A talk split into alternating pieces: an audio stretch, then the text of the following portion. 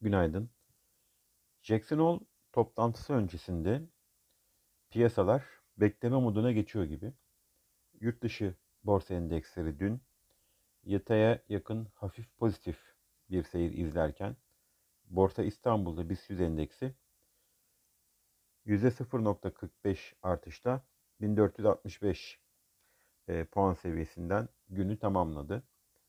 Endeks e, 1470 direnç seviyesini dün zorlasa da hatta bir miktar üzerine çıksa da e, yurt dışı borsalardaki zayıf eyleme bağlı olarak e, güçlü performansı gösteremedi. E, bu seviyenin üzerinde kapanışlar önemli olacak. Endeksin güç kazanabilmesi, momentum kazanabilmesi için. E, bugün bir miktar kar satışları gelebilir. E, endeks bu kar satışlarıyla birlikte tekrar güç toplama eğilimi içinde olabilir. E, teknik olarak 1450 ilk destek noktamız, yakın desteğimiz. E, bu destek seviyesi kırılmadığı sürece e, 1470 direnç seviyesini zorlarız. Kırılsa da çok problem yok. 1440'lara doğru geri çekilme devam eder.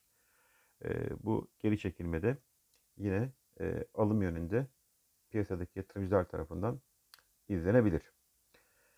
E, yurt içinde bugün e, Ağustos ayı reel kesim güven endeksi açıklanacak.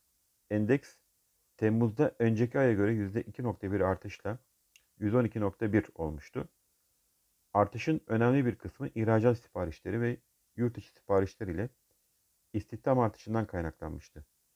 Bu ay artışın devam edip etmemesi reel sektörde kuvvetli performansın devam edip etmediğini görmek açısından önemli olacaktır. E, imalat sanayi kapasite kullanım oranı da Temmuz'da 76.3'ten 76.4'e yükselmişti.